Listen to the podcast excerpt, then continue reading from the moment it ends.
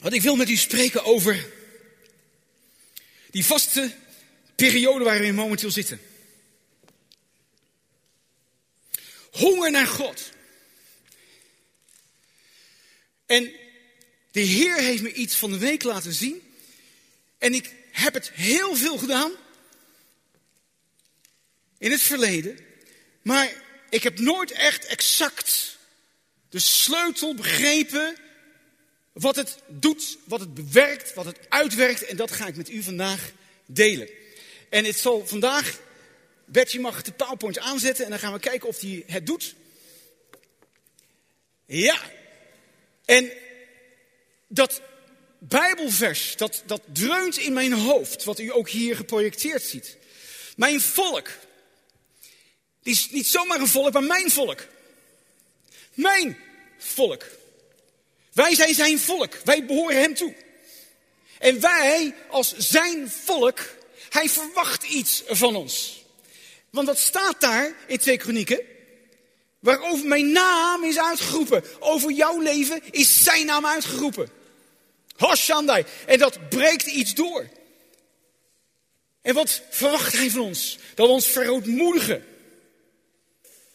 En dat dat ze bidden. En dat we zijn aangezicht zoeken. En dat we ons bekeren van onze boze wegen. Want dan gaat er iets gebeuren. Iets waar we zo naar verlangen.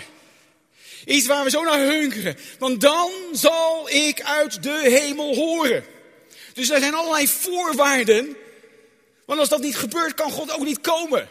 Dan kunnen we bidden tot we blauw zien. Maar het werkt niet, want er moeten eerst bepaalde dingen gebeuren. Je kan niet zomaar bij koning Willem-Alexander binnenkomen. Als zijnde de koning. Daar is een procedure. Daar is een protocol. Wij kunnen niet zomaar even binnenwandelen bij God van hallo. God is heilig. Dat kan niet. Daar is een protocol. Is de koning der koningen, de heer de heren. Als een Esther zich al drie dagen met bidden en vasten moest voorbereiden om bij haar eigen man in zijn aanwezig te komen. Hopende dat hij de scepter zou uitstrekken. De koning de koningen. Hij wil koning zijn van jouw hart. Hij wil koning zijn van jouw leven. Maar je kan niet zomaar binnendenderen. Met alle rotzooi en rommel die we meedragen. Daar is een protocol. Dan zal ik uit de hemel horen. Hun zonde vergeven. En hun land herstellen. Wat verlang ik naar. Dat Jezus, dat God ons land gaat herstellen. Want wat is het een zootje? Mensen zijn helemaal doorgedraaid. Ze snappen niks van de waarheid. Ze snappen niks van het woord. En wij als gemeente zijn eigenlijk zo krachteloos geworden. Vergeef maar, zo ervaar ik dat. We zijn krachteloos geworden. We, we, we missen iets. En de Heer heeft me stilgezet afgelopen week. Wil jij weer de kracht terugzien in jouw leven? Wil je weer de kracht terugzien in jouw gezin? Wil je weer de kracht terugzien in de gemeente? Wil je weer de kracht van God terugzien in het land dat ik het land gaat herstellen? Dan zal er iets dienen te gebeuren. En dat heeft met God te maken. God wil wel. Maar het heeft met ons te maken. Met ons te maken. En weet je wat dat is?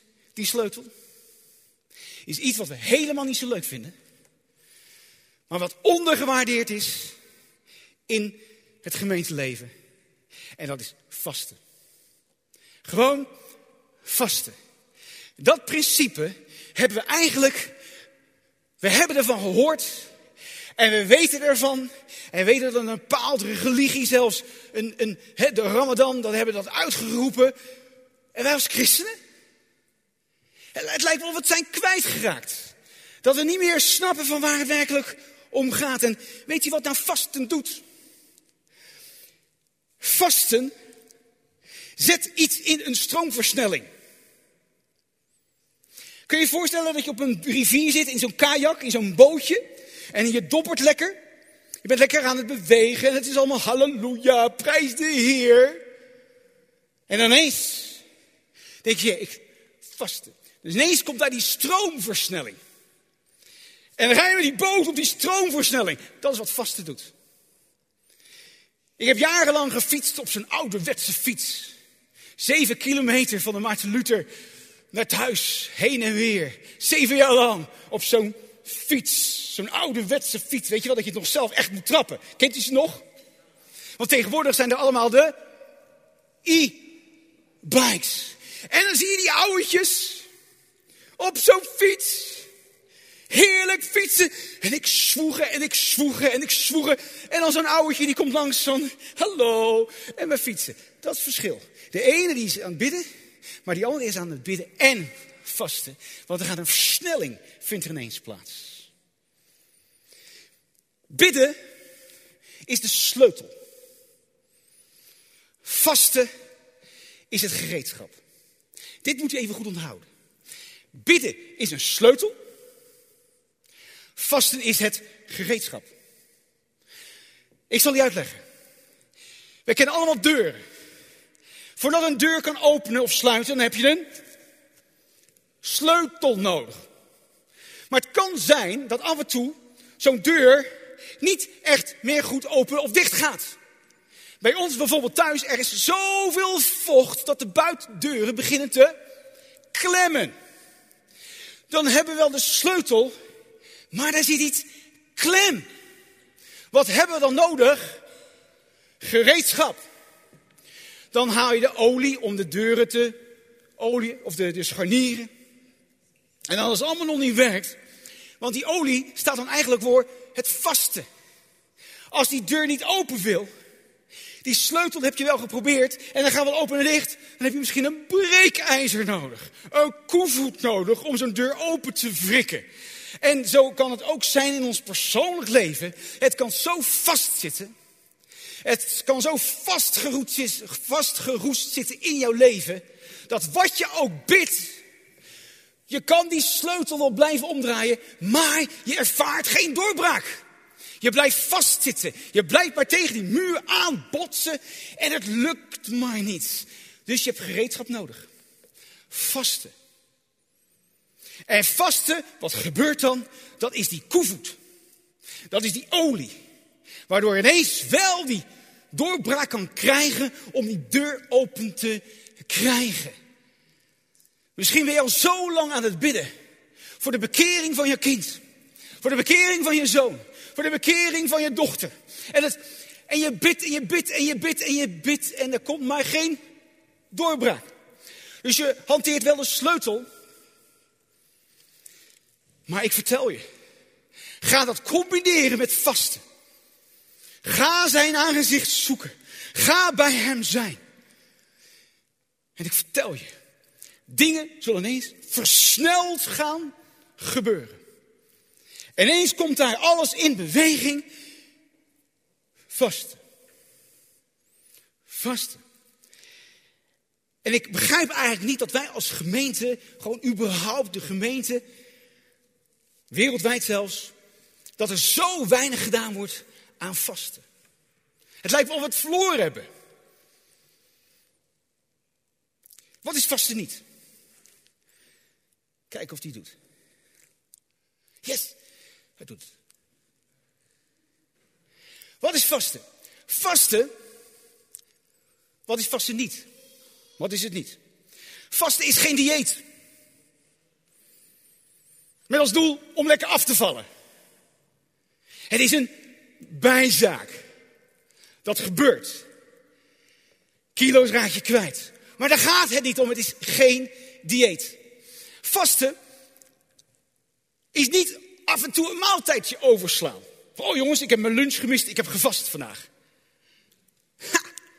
Nee, nee, nee, nee, nee, nee. Zo werkt het niet. Het is echt een tijd die je bewust apart zet om God te zoeken. Vasten is ook geen hongerstaking. Een hongerstaking is heel iets anders. Een hongerstaking, dan wil je een eis ingewilligd zien. Het is als ware een protest. Dit kun je niet maken naar God toe. Je kan nooit naar God toe van, ik ben boos en ik eis mijn recht en mijn zus en mijn zo en ik, ik eis genoeg doen en ik ben aan het vasten en ik wil en ik... Nee. Het, wat je kan doen in het vasten, je hebt beloftes gekregen. Beloftes van God. Die je terug kan vinden in het woord van God. En je zegt, Heer, tijdens het bidden, tijdens het vasten, Heer, dank u wel voor die belofte. Die u mij heeft gegeven. En ik breng die belofte in herinnering bij u. Ik zeg, Heer, u heeft mij beloofd. Heer, u heeft de bekering van mijn zoon heeft u beloofd. Heer, u heeft beloofd dat u mijn gezin zou redden. Heer, u heeft beloofd dat ik een huis zou krijgen. Heer, u heeft beloofd dat ik een baan, een goede baan zou krijgen die bij me past. Heer, het is een belofte. Ik hou dat voor u. En dat vindt de Heer geweldig. Want je kan God nooit dwingen. Je kan nooit zaken bij God afdwingen. Zo werkt het niet in het koninkrijk van God. Want koning Jezus heeft het alles voor het zeggen. Het christendom is geen democratie. Is niet. Hij is alleen heerser. Er is maar één koning. De koning de koningen. En het voorrecht dat wij bij hem mogen komen. Dat we bij hem mogen zijn. Heer, dit heeft u beloofd. Heer, ziet u wat ik doe. Ik wil zo graag bij u zijn. Geen hongerstaking. Vasten is zo belangrijk. Ik kan hier niet genoeg de nadruk op leggen. Vasten voegt niets toe aan het volbrachte werk van Jezus. Aan het kruis. Want hij heeft uiteindelijk geroepen, het is volbracht. Vasten voegt niets toe. Dat dacht ik vroeger. Dit dacht ik een klein beetje vroeger. Ik denk van, heer, dus als ik vast, dan kom ik in een beter blaadje. Dan, dan, dan, dan, dan, kom, dan stijg ik op die ladder of zo. Nee, nee, nee, nee. God houdt van je. Wat dan ook. Hij houdt van je. Het is dus niet zo dat vasten iets toevoegt aan het volbrachte werk van Jezus. Absoluut, dat moeten we goed onthouden. Amen. Zeer, zeer belangrijk. En vasten als laatste zorgt er niet voor dat God dus meer van jou gaat houden. Want dat zit ook in je. Van, heer, ik wil dat hij meer van me gaat houden. En dat je dan gaat vast van, oh, dan, ga, dan gaat God meer van me houden. Nee, want hij houdt al vreselijk veel van jou. Hij kan niet meer van jou houden dan hij al dat doet. Amen? Oké. Maar wat is het dan wel? Vasten is het bewust, wel overwogen afzien van allerlei zaken waarvan je geniet voor een geestelijk doel. Dit is uitermate belangrijk. Vasten is bewust, niet verplicht. Nee, je maakt gewoon een bewuste keuze, wel overwogen, dat ik afzie van allerlei zaken waarvan ik geniet. Allerlei pleziertjes, allerlei vermaak waarvan je zegt van heer, ik wil dat parkeren. Ik wil daar nu niet mijn focus op leggen. Ik wil mijn focus leggen op u. Het is bewust je onthouden van aardse genoegens. Om een geestelijk doel na te jagen. Het is jezelf, het aardse en het wereldse ontzeggen om het hemelse van God te proeven. Het is een, een toewijding. Om een vastgestelde periode jezelf toe te wijden. Je hebt echt een tijd waarin je zegt, Heer, zoals wij dat nu doen als gemeente, 21 dagen lang, wijden wij ons toe. Is een vastgestelde periode om ons toe te wijden aan geestelijke prioriteiten. Zoals gebed en het bestuderen van het woord van God. Zonder voedsel en andere pleziertjes. Het is jezelf afzonderen zonder de pleziertjes en het vermaak van het leven om je op God te richten in gebed en bestuderen van het woord. En met vasten zeg je eigenlijk nee. Nee tegen je eigen verlangens en pleziertjes. Die zijn ingesleten in je leven. En in de Bijbelse letterlijke zin betekent vasten het bewust onthouden van voedsel. En soms ook water. Om een geestelijk doel na te jagen. In het Hebreeuws betekent vasten iets voor je mond houden. Weet je, Gods traatje is altijd schoon.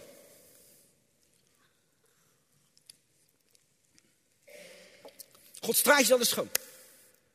Ons straatje daarentegen is niet altijd schoon. Juist niet, want ons straatje wordt elke keer vuil. Elke keer moeten wij weer dingen opruimen. Dat komt omdat wij leven in een zondige wereld waar we allemaal deel van uitmaken. En dat, dat, dat, komt, dat komt je leven allemaal binnen. Al die onreinheid en al die viezigheid, al die vuiligheid, dat komt je leven binnen. Je straatje wordt elke keer stroom, of, uh, vies. Maar Gods straatje wordt nooit vies. Dus we kunnen het ook nooit naar God toeschuiven. Nee, want Gods straatje is altijd schoon. Gods vuur brandt altijd. Zijn vuur dooft nooit. Maar ons vuur dooft wel. Na verloop van tijd merk je, toen was hij die eerste liefde. We stonden in vuur en vlam voor koning Jezus. Oh, wat waren we helemaal door het dolle heen. Want we hadden Jezus ontmoet. Jezus had ons totaal veranderd. En na verloop van tijd merk je dat het vuur begint te doven. Gods vuur brandt altijd, maar ons vuur dooft. Met andere woorden, we moeten er op de een of andere manier voor zorgen dat dat vuur elke keer weer wordt aangewakkerd. En dan kan soms gebed niet voldoende zijn. Daarom hebben we vasten. Gods hart raakt nooit dichtgeslipt. Gods hart raakt nooit dichtgeslipt, maar ons hart wel. Ons hart raakt langzaam zeker dichtgeslipt met al die viezigheid en vuiligheid. En we raken verstopt van binnen. Waardoor de kracht van God niet meer kan stromen. Maar Gods hart, die slipt nooit dicht. En dan kunnen we bidden. Bidden en bidden en bidden. Tot onze knieën er blauw van zien. En af en toe, ja, inderdaad is daar die doorbraak. Maar soms ook niet. En dan kan je afvragen, ja maar heer, waar ligt dat dan aan? Hoe komt dat dan? Een van de redenen zou kunnen zijn dat we het principe van vasten niet hebben toegepast. Want vasten doet iets in je. Vasten werkt iets uit en daar ga ik je straks iets meer van laten horen. Nou, ik, dit is een stukje onderwijs vandaag. Ik denk dat het erg belangrijk is. En er zijn allerlei vormen van vasten. Jezus zelf vastte 40 dagen en nachten. Dus niet alleen maar overdag, maar ook de nacht pakte hij daarbij. Nou, je kan vasten zonder eten en drinken. Dit kan je maximaal drie dagen volhouden. Drie dagen. Drie dagen zonder eten en zonder drinken. Langer lukt niet, want dan sterf je. Esther, die je net al noemde, die riep het Joodse volk op om te bidden en te vasten zonder eten en drinken. Want er was zo'n nood. Daar was zo'n aanval uit het Rijk der Duisternis. Heel het volk, het Joodse volk, dreigde ten onder te gaan door die ene man. Die Haman. En wat zegt ze? Ga, verzamel alle Joden die zich in Susan verbinden, bevinden. En vast voor mij. Want ze wist de verantwoordelijkheid die, die, die op haar droeg. Maar ze ik kan het niet alleen dragen. Laten we allemaal datzelfde gaan doen. Eet niet, drink niet. Drie dagen lang. Dus drie dagen lang hebben ze eigenlijk hun leven op het spel gezet vanwege datgene wat daar zou gaan gebeuren. En dat moest omgekeerd worden, zo niet omgekeerd. Omgekeerd. Het moest omgekeerd worden. Nacht en dag. Niet alleen de dag en dan na zes of zo, dan stamp je jezelf weer vol. Nee, nacht en dag. Ook ik zelf zal vasten, samen met mijn dienaressen. En dan zal ik naar de koning gaan, wat niet overeenkomstig de wet is. En als ik dan omkom, dan kom ik om. Maar dan weet ik in ieder geval, ik heb mijn uiterste best gedaan. Alles, alles geprobeerd. Het hele volk heb ik opgeroepen om met mij Gods aanwezigheid te zoeken in bidden en vasten. En als het dan nog niet gebeurt, dan weet ik het ook niet. Zo desperaat, zo wanhopig was Esther. En ze grijpen dan naar die vorm, dat principe van vasten. De andere is het vasten met alleen drinken. Vasten met alleen drinken. Jezus vastte 40 dagen. En hij zal gedronken hebben. Na 40 dagen moest hij ook wel stoppen. Want na 40 dagen zonder water, met water, maar alleen. Nee, ik zeg verkeerd. Wel met water, maar zonder voedsel. Je houdt het maar 40 dagen vol. Na 40 dagen gaat je lichaam jezelf opeten. Dat gebeurt na 40 dagen. Voor in die periode van de eerste 40 dagen, dan alle vetten die je hebt opgebouwd in je lichaam, die worden aangesproken, omdat andere koolhydraten, die eet je niet. Dus al die vetten die worden opgegeten door je lichaam. Maar na 40 dagen zijn al die vetten op. En begint het lichaam zichzelf, al die spieren en al die weefsels zelf op te eten. En dan is dat levensgevaarlijk. Dus 40 dagen is de max. Nou, heel populair, ook bij ons, is het Daniel vasten. En Daniel 10, vers 3, ging hij in een 21 dagen vasten. 21 dagen vasten. En hij zei, smakelijk voedsel at ik niet. Vlees en wijn kwamen niet in mijn mond. En ik wreef mij niet in met olie tot er drie weken verstreken waren. En dat is dus Daniel vasten, wat ook velen van ons doen. En ik ben zo bemoedigd om te horen, eigenlijk de, hele gemeente door, hoort dat mensen inderdaad serieus het vasten zijn op aan het pakken. Er was van de, week nog, een, nog iemand die tegenkwam van, ja, ik, eh, ik ben bezig, uh, geen, geen zoetigheden, geen lekkernijen. Al die zaken die, die laten voorbij gaan, maar zo, dat is best moeilijk. En dan doe ik die koelkast open en dan zie ik daar van alles. En dan zeg ik tegen mezelf, nee, Nee. Dat is goed voor jezelf. Waarom? Je dient, het dient een hoger doel. Het dient een geestelijk doel. We doen het niet om af te vallen. We doen het niet om zomaar leuk bezig te zijn. Nee, daar is een honger in ons. Een honger niet naar, ja ook wel een beetje hoor. Want als ik aan bepaalde dingen denk, denk ik, oh lekker. Nee Patrick, nee, nee, nee, nee. We hongeren naar dat geestelijke. Dat geestelijke voedsel. We hongeren naar meer van God in ons leven. Honger! Honger naar God. Eens even roepen met elkaar. Honger naar God. Honger naar God. Honger naar meer. Oh yes. Dus dat is een hele mooie manier ook om te bidden. Met name om ook te vasten. Maar hoe staat God nou ten opzichte van vasten? En weet u, Matthäus hoofdstuk 6. Matthäus hoofdstuk 6. Dat is een heel mooi hoofdstuk. En daarin kom je eigenlijk achter dat God heeft bepaalde verwachtingen van ons. Verwachtingen. Mijn vrouw heeft bepaalde verwachtingen van mij. Dat is geen regel.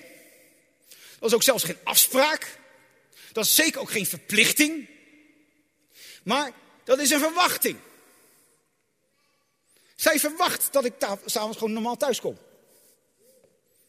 Zij verwacht dat ik bepaalde dingen wel doe en bepaalde dingen niet doe.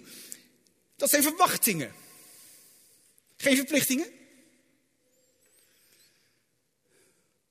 En God heeft dat ook. God heeft bepaalde verwachtingen. Dat is geen wet. Maar hij verwacht dat gewoon van jou. Als jij aangeeft, ik ben gekocht en betaald met het kostbare bloed van Jezus. En dan zegt hij, oké, dus je bent mijn kind. Dan verwacht ik ook een aantal zaken van jou. Zonder dat ik dat op jou ga leggen, maar ik verwacht dat wel, want jij geeft aan dat je mijn kind wil zijn. Dat je mij wil volgen, dat jij deel uitmaakt van het koninkrijk van God. Oké. Matthäus hoofdstuk 6. Er zijn een drietal verwachtingen die hij daarin uitspreekt. En de eerste is, wanneer je dan een liefdegave geeft, en dan gaat hij beschrijven hoe het eerst niet moet en hoe het dan op een gegeven moment wel moet. Dus hij verwacht van ons dat wij geven liefdevolle liefdegaven geven. Dat verwachtte hij. Hij verwacht dat. En als je dat niet doet, dan zeg je, ja, maar dat is een verwachting van mij. Als je werk bij me hoort, dan weet ik toch gewoon, dan, hoor dan, dan verwacht ik dat je geeft. Dus geef je tiende, geef je offers. Dat hoort bij je. Dat verwacht ik van je. En ten tweede, wanneer je bidt. Wanneer je bidt. Met andere woorden, het is het woordje wanneer. Wanneer je geeft, wanneer je bidt. En wanneer is een woord dat zegt, dat is toch logisch, dat doe je. Dat verwacht ik. Het is niet als, als je dat een keertje zou gaan doen. Nee, wanneer. Met andere woorden, ik, ik, ik verwacht dat. Wanneer, en dan gaat hij ook weer uitleggen, zo moet je dus niet bidden als die huigelaars. Nee, bid zo. Dus wanneer je geeft, wanneer je bidt, en dan een aantal versen later staat er, wanneer je vast. hey, wanneer je geeft, wanneer je bidt, wanneer je vast. Met andere woorden, in dat hele rijtje hoort dus ook vasten. Hij verwacht dus van ons dat het een levensstijl is, dat wij geven, dat wij bidden en dat wij vasten. Hij verwacht dat. Dat leg ik niet op je. Maar in zijn koninkrijk verwacht hij gewoon, ja, dat hoort bij jouw levensstijl. Om ook te vasten.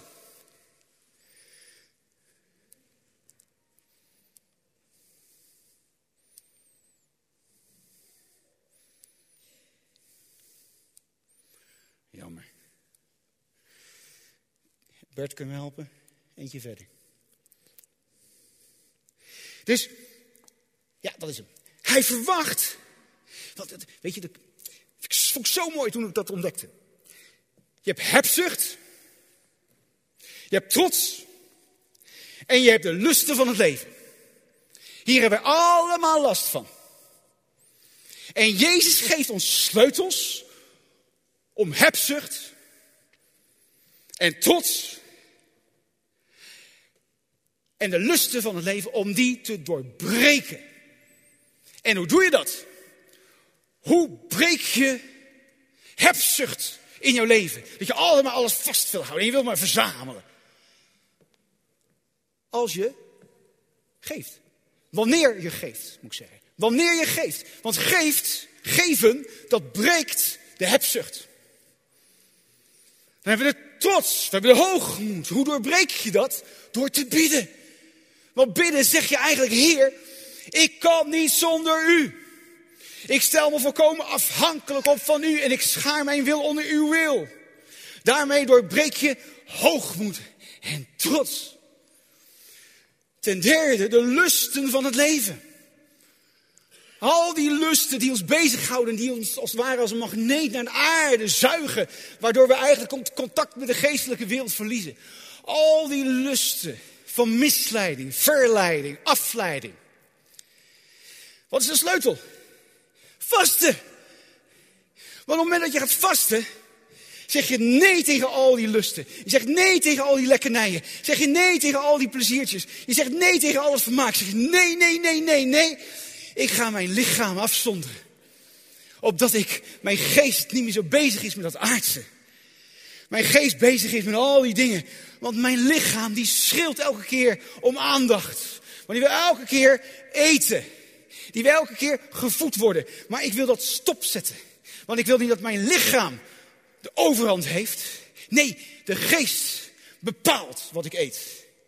Mijn geest bepaalt of ik wel of niet eet. En niet mijn lichaam. Maar mijn lichaam is soms wat rebels en opstandig.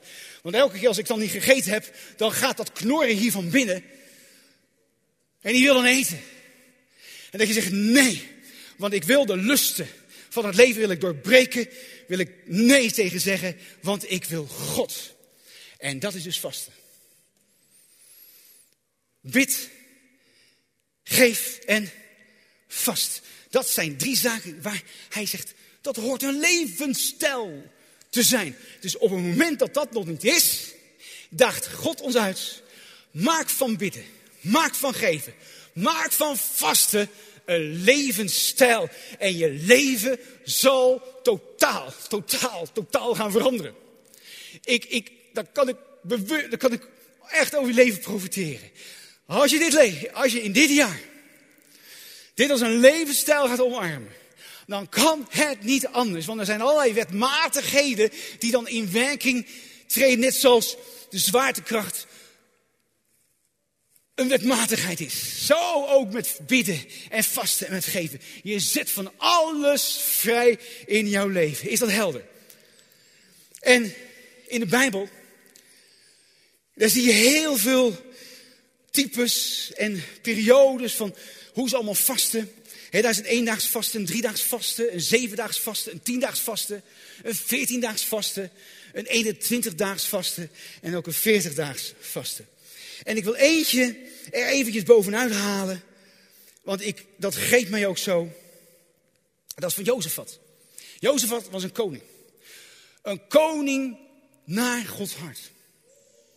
Jozefat. Maar ook hij kende zijn strijd.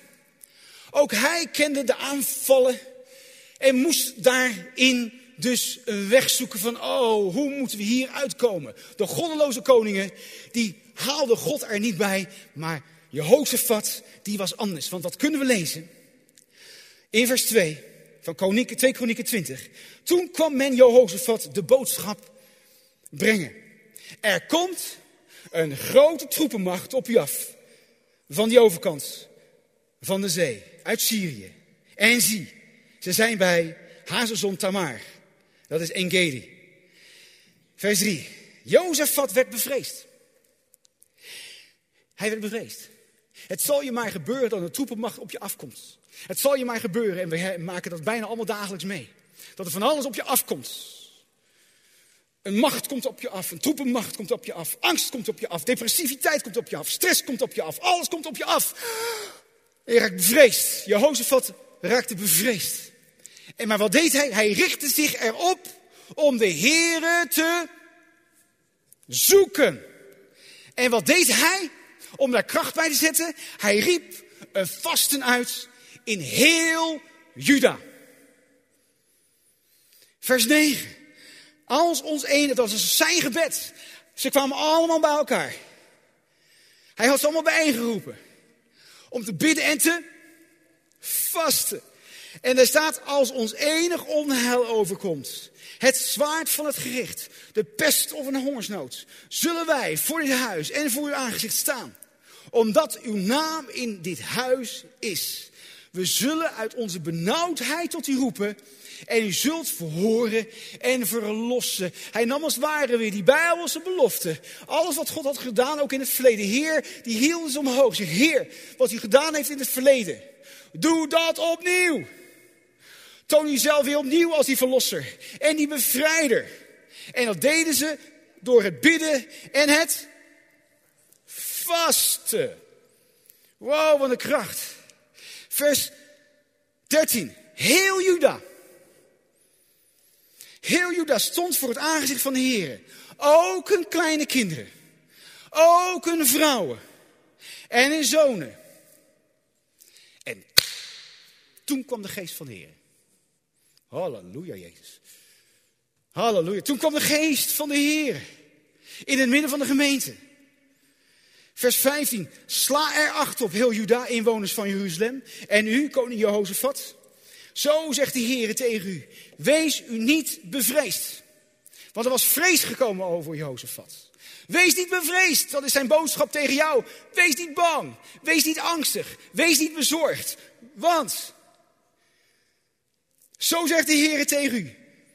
Wees niet ontsteld vanwege deze grote troepenmacht. Wees niet ontsteld van alles wat op je afkomt.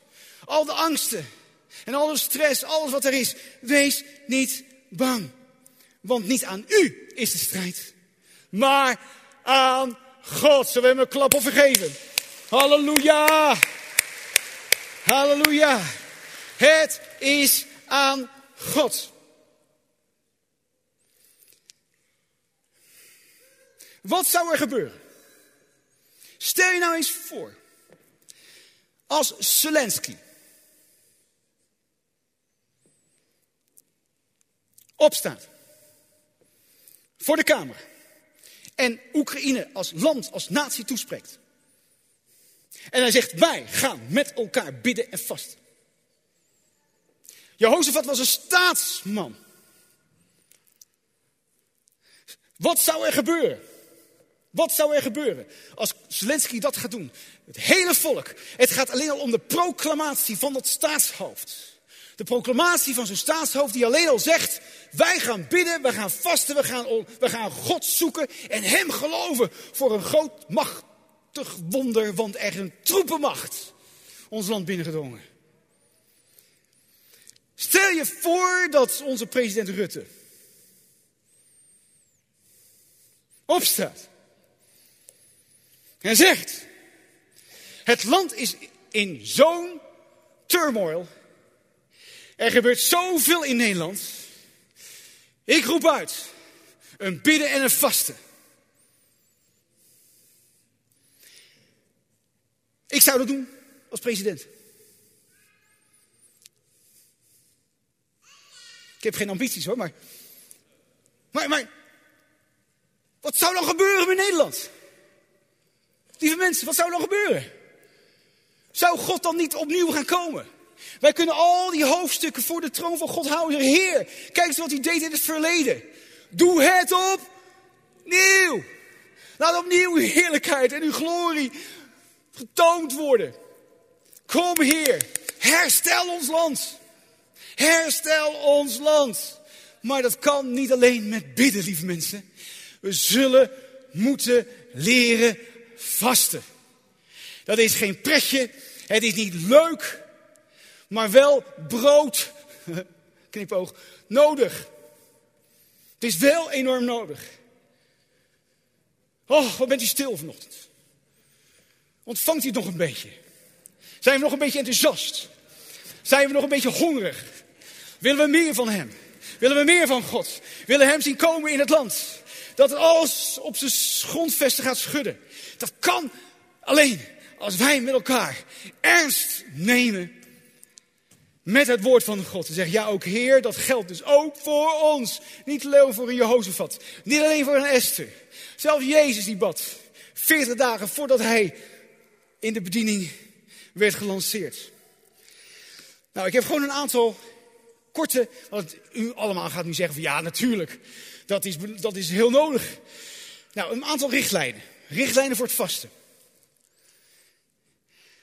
Het is een toewijding aan God door echt tijd apart te zetten. Je vasten betekent echt tijd apart zetten. De tijd bijvoorbeeld die je normaal normaliter gebruikt om je boodschapjes te doen. Om je eten voor te bereiden. Om te denken aan wat gaan we eten vanavond. Wat gaan we doen met het eten.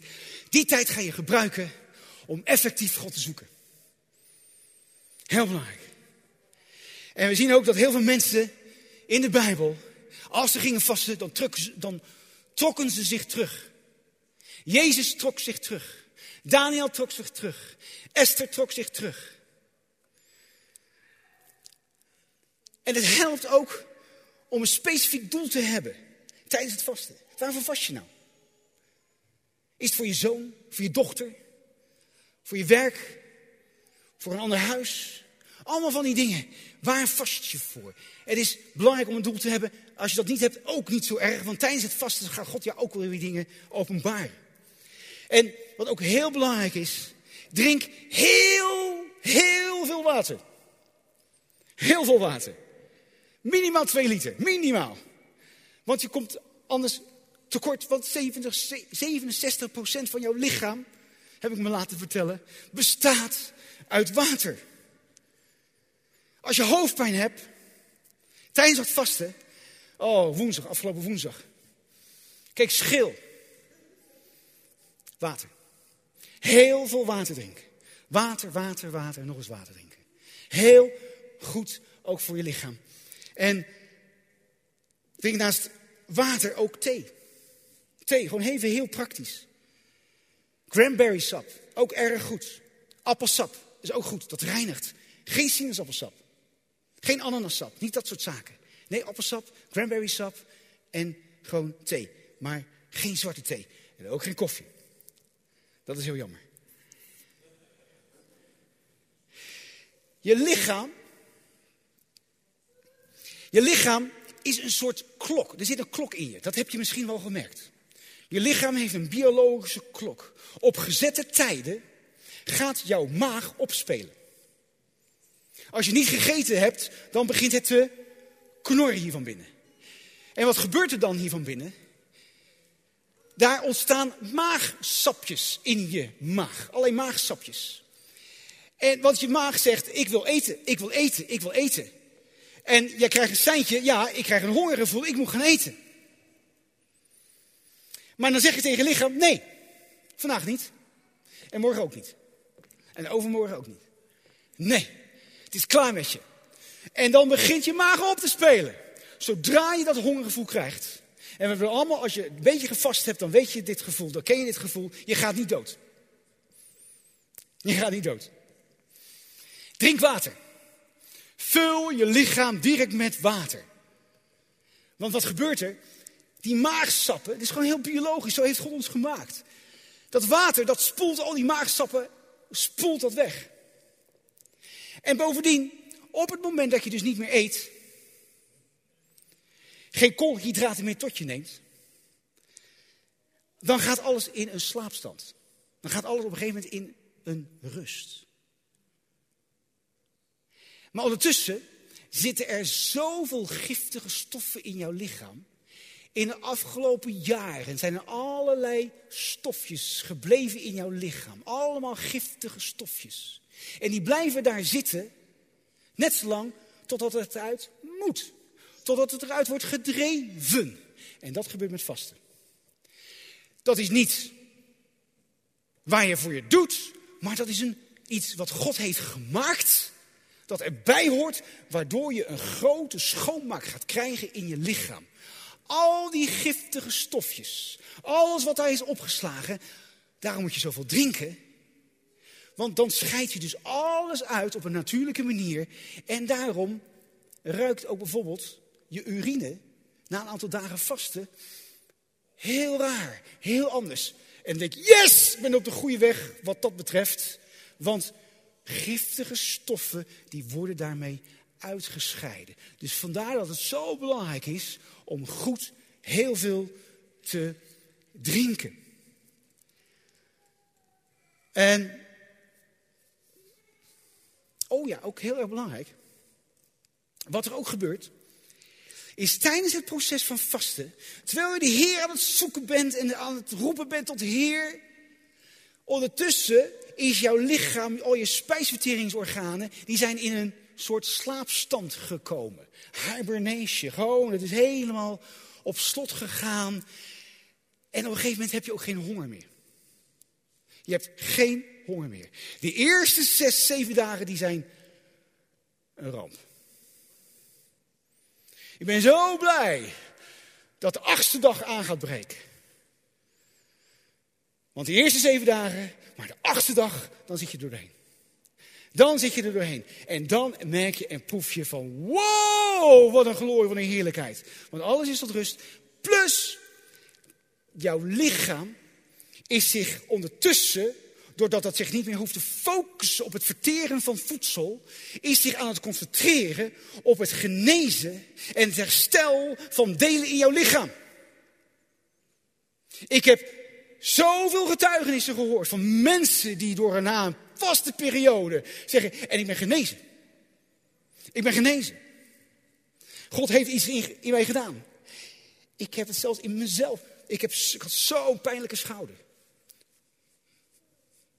Gewoon tijdens dat. Ik zeg, nou, ik voel het klein beetje nog. Dat gaat dan helemaal weg.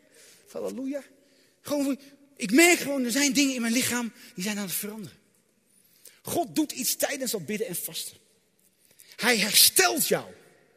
Dus als jij zo'n obstakel kent in jouw leven met betrekking tot ziekte of wat dan ook, ga de Heer vragen. Want, dit is ook, ik heb het er ook opgezet, pas op, disclaimer. Als je jong en gezond bent en je staat niet, je gebruikt geen medicijnen, kan je dit prima doen. Je gaat niet dood van een aantal dagen bidden en vasten. Als je wel medicijnen gebruikt, wees voorzichtig. Doe het altijd ook in conclave met de doktoren. Ook als je wat, wat ouder bent, wees heel voorzichtig. Dit heb ik dus ook gezegd. Maar voor alle jonge mensen die zich zo gezond en sterk voelen, je gaat niet na drie dagen dood. Ook niet na vier dagen. Pas na 40 dagen. Als je dan niet stopt. Ja, lieve mensen. Maar het is eventjes, maar het is wel heel belangrijk om het ook nog eventjes uitgelegd te hebben. Uitwerking van het vasten. Want dit is toch wel heel mooi en heel belangrijk. Vasten verandert ons. Vasten verandert niet God. Heel belangrijk om dit te begrijpen. God gaat niet anders zijn. God gaat niet anders reageren. Hij, wil altijd reageren. Hij wil altijd komen in jouw leven. Hij wil je altijd, altijd, hij wil altijd met je bezig zijn, want hij houdt zoveel van je. Dus vasten verandert niet God, vasten verandert jou. Dus die ommekeer heeft helemaal te maken met jou. Het zet God niet extra in beweging. Jij zorgt ervoor dat je op een nederige plek jezelf positioneert ten opzichte van de Heer. Wij willen niet dat God ons gaat vernederen. Als God ons gaat vernederen, oh, big trouble. Wij willen niet dat God ons gaat vernederen. Nee, echt niet. Wij zelf mogen ervoor kiezen om ons te vernederen voor God. De mooiste, beste, krachtigste manier om je te vernederen voor de Heer is naast het buigen van je hoofd, buigen van je hart, buigen van je knieën, te vasten. Vasten is zo vernederend. Dat is echt, dat ik Heer, waar ben ik in vredesnaam mee bezig? En elke keer weer opnieuw, dat je zegt, Heer, we doen het voor dat hogere doel. Om uw heerlijkheid en in glorie openbaard te zien worden. En vasten doorbreekt slechte gewoontes. Geestelijke gebondenheden, verslaving. Als je verslaafd bent aan de drugs, aan de sigaretten, aan de alcohol, depressiviteit, pornografie. Vasten maakt je schoon. Niet alleen lichaam, maar ook geestelijk maakt het je schoon. Er was een voorganger en er kwamen een aantal mensen naar hem toe die verslaafd waren aan alcohol en aan porno en weet ik het allemaal. Iros, ze zaten zo vast en zeggen, we hebben zo gebeden. We hebben zo ons best gedaan, maar we komen er niet doorheen. Elke keer vallen we weer terug, die repeterende breuk. En die voorganger zegt tegen ze, weet je wat jullie gaan doen? Is jullie echt ernst met God? Willen jullie echt God volgen? Hongeren jullie echt naar God? Is het echt zo? Als, je werkelijk, als het je echt ernst is en je wil er echt vanaf. Je wil echt breken met die zonde. Je wil echt breken met die bolwerken. Je wil echt breken met die verslavingen. Dan is er maar. Dan zou ik je dit willen adviseren. Ga tien dagen bidden en vasten. Trek je terug. Sluit je op. Ga met God bezig. Bestudeer je Bijbel. Roep hem aan. Bidden en vasten. En kom na tien dagen weer terug. Zorg in ieder geval dat je de eerste zeven dagen hebt, gehaald. Want de achtste dag vindt vaak de doorbraak plaats. Want acht staat ook voor vernieuwing. Zorg in ieder geval dat je die achtste dag haalt. Na tien dagen kwamen ze terug. Wow! Ze hadden de kracht en de glorie en de heerlijkheid van God ervaren en gemerkt. Wow, Heer! Echt gebeurd. Echt gebeurd. Vasten zorgt ook dat je tot rust komt. Je geest komt tot rust. Want wat voelen we soms een onrust? Wat zijn we vaak bezig met een onrust in ons hoofd? Hier er is zoveel onrust. Vasten zorgt ervoor dat al die stemmen gaan zwijgen. Gaan zwijgen en je krijgt die innerlijke rust en vrede. En dan kan het stormen om je heen. Maar daar is een rust in jou in jouw binnenste. Waarom? Omdat je bezig bent met de dingen van God. Die geestelijke prioriteit. Daarvoor heb je gekozen. Zeg, oh, oké Heer, want ik verlang naar u. Ik honger naar u. Nou, vasten vergroot je geestelijke draagkracht. Het vergroot je capaciteit. Het vergroot ook je autoriteit. En je kan het vergelijken met het volgende. Je hebt een pijp. Kun je zich allemaal voorstellen, een elektriciteitspijpje? Zo'n elektriciteitspijp, zo'n gele. Zo'n pijpje is zoiets.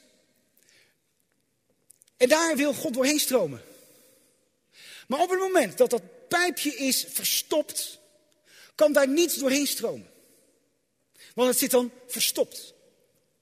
En God wil als het ware die capaciteit vergroten. Want die pijp zit verbonden aan een enorm groot reservoir. 100.000 miljoen liter. God.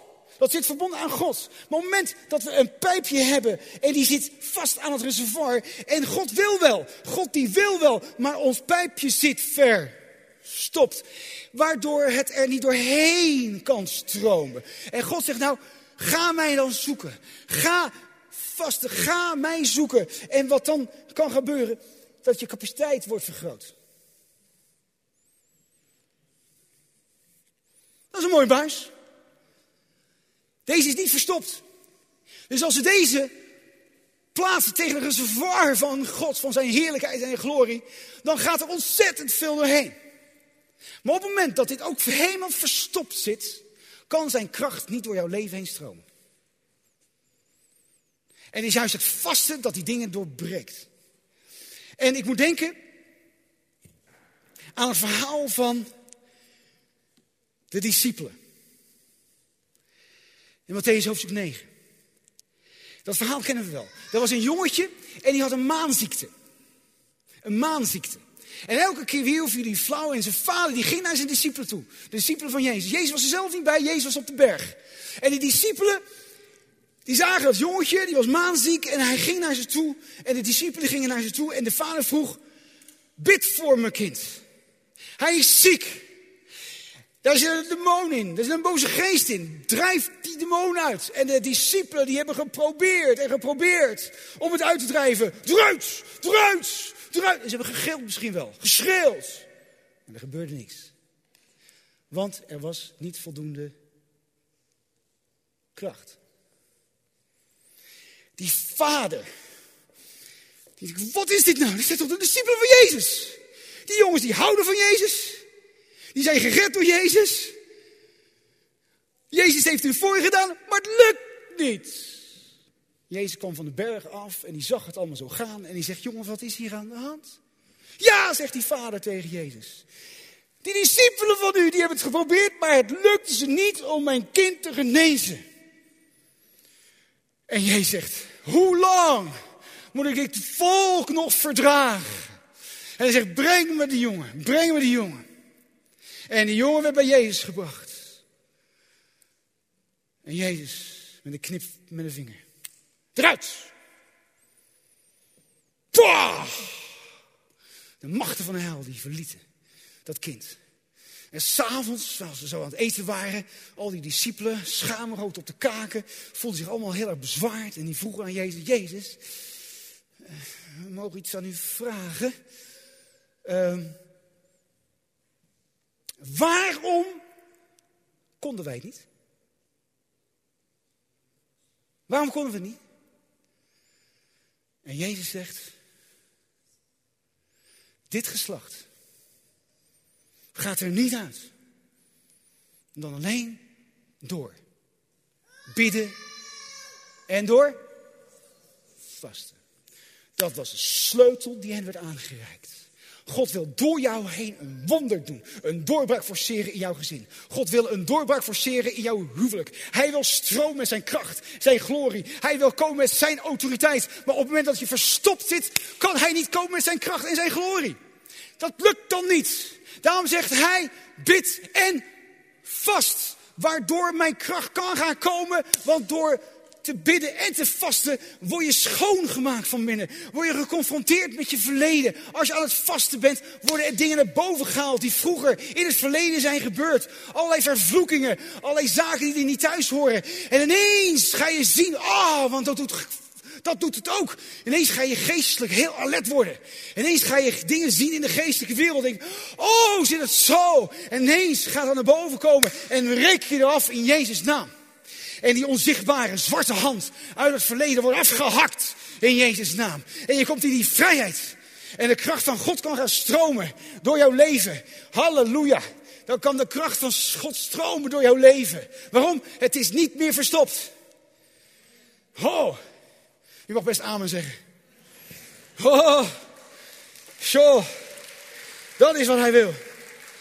Ik ga afsluiten. Met een belofte. Jezaja 58, het hoofdstuk van vasten. Het zal goed met je gaan, zegt hij in zijn woord. Als je bidt, als je mij zoekt in bidden en in vasten, het zal goed met je gaan, zegt hij. En dit spreek ik uit over jouw leven. Het zal goed met jou gaan. Het zal goed met jou gaan. Dit jaar gaat een jaar zijn van een ommekeer. Halleluja. Je bent meer dan een overwinnaar. Hij houdt zielsveel van je. Hij ziet je helemaal zitten, want je bent zijn zoon. Je bent zijn dochter. De zon zal weer opgaan in je leven. Het voelt zo duister. Het voelt zo donker in je binnenste. Maar God zegt, mijn licht in jou gaat schijnen. De zon, de zon gaat schijnen in jouw leven. Ik verbreek die duisternis over je heen. In Jezus' naam die je gevangen houdt. Halleluja. Een hoopvolle toekomst is je gegeven. Alle, alle ellende, zegt vers 8, zal snel voorbij zijn. Dat doet dus vasten, versnelling. Alle ellende zal snel voorbij zijn. Dat is een sleutel die God jou wil gaan overhandigen. Zijn goedheid zal voor je uitgaan. Hij baant al reeds de weg voor jou. Hij weet wat er komen gaat. En ineens gaan er allemaal deuren open. En je ziet, denk van wow, ineens zie je en merk je hoe God de regie gaat overnemen in jouw leven. Het is zo mooi als je dat ervaart. Dat je ineens merkt dat God de regie neemt, overneemt in jouw leven. Misschien ken je dat niet. Misschien weet je niet. Ga bidden, ga vasten en je gaat merken dat God gaat komen en hij gaat dingen doen waar je versteld van staat, want hij gaat voor jou uit. Dat is zijn belofte. Als je bidt en als je vast. Daarom is het zo goed om te bidden en te vasten met elkaar als gemeente. En als we hem dan aanroepen, zal hij je antwoorden. Oh, wat willen we graag dat hij antwoordt.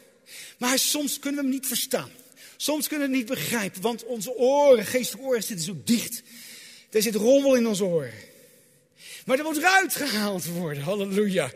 En als je om hulp roept, hij zal tegen jou zeggen, ik ben. Ik ben, zegt zijn woord in Jezaja 58. Ik ben wat betekent, ik ben waarheid. Ik ben genezing. Ik ben het antwoord. Ik ben herstel. Ik ben genezing. Ik ben bevrijding. Ik ben de alfa. Ik ben de omega. Ik ben de bevrijder. Ik ben dat alles. Halleluja. Zullen we hier een klap over geven? Yes. Oh Jezus. Oh Jezus. Halleluja, Vader. Oh Vader. Dank u wel, Jezus. Zullen we met elkaar gaan staan? En als jij ervaart, ik verlang naar die doorbraak. Ik verlang daarnaar dat God gaat komen en dat hij me schoonmaakt van binnen. Dat ik niet meer verstopt zal zitten van binnen. Ik verlang naar die doorbraak. Want vandaag dat moment daar. Want hij wil die ommekeer gaan brengen in jouw leven. En een sleutel is die hij jou aanreikt, is dus ga mee mee vasten. Want er is nu een hele gemeente die aan het bidden en vast ligt. Vast is. Bij de deur ligt er een gebedsfocus. Als je die nu nog niet hebt. Wie heeft nog geen gebedsfocus gekregen? Bij de deur, bij de connecttafel ligt zo'n exemplaar. Neem dat mee. Dan weet je ook waar de gemeente mee bezig is. Neem het mee. Lees het. Wees er serieus mee. Dit zijn serieuze dingen. Als je mee wil gaan in de flow, wat God aan het doen is in de gemeente, zorg dat je het niet mist. Zorg dat je erbij dat je erbij bent, ook mensen. Zorg dat je erbij bent. Zorg dat je het niet mist. In Jezus' naam. Halleluja, Vader. Ik ben enthousiast, ik ben vol, ik, ik wil zo graag zijn heerlijkheid en glorie zien. En dat wil hij ook voor jou. Hij wil dat ook voor jou. Wie ervaart, ja, dit is het moment voor mij. Om te veranderen. Om iets, ja, amen. Dankjewel. Ik zie verschillende handen. Dit is een moment om een keuze te maken voor die ommekeer. Voor die ommekeer. Kom maar naar voren met elkaar. Als we werkelijk op besluit gaan nemen, kom maar. Kom naar voren als je zegt van ja, ik wil dat moment pakken. Nu is God hier. Hij is aan het werk. Zullen die mensen even een applaus geven? Halleluja. Kom maar. Kom maar. Kom naar voren als jij zegt ja, dit geldt voor mij. Dit is voor mij. Om gewoon dat besluit te nemen. om met elkaar te zeggen, Heer, ik kies voor u. Ik wil schoon zijn. Ik wil echt met mijn hele hart u volgen. Ik wil vol zijn van de Heilige Geest.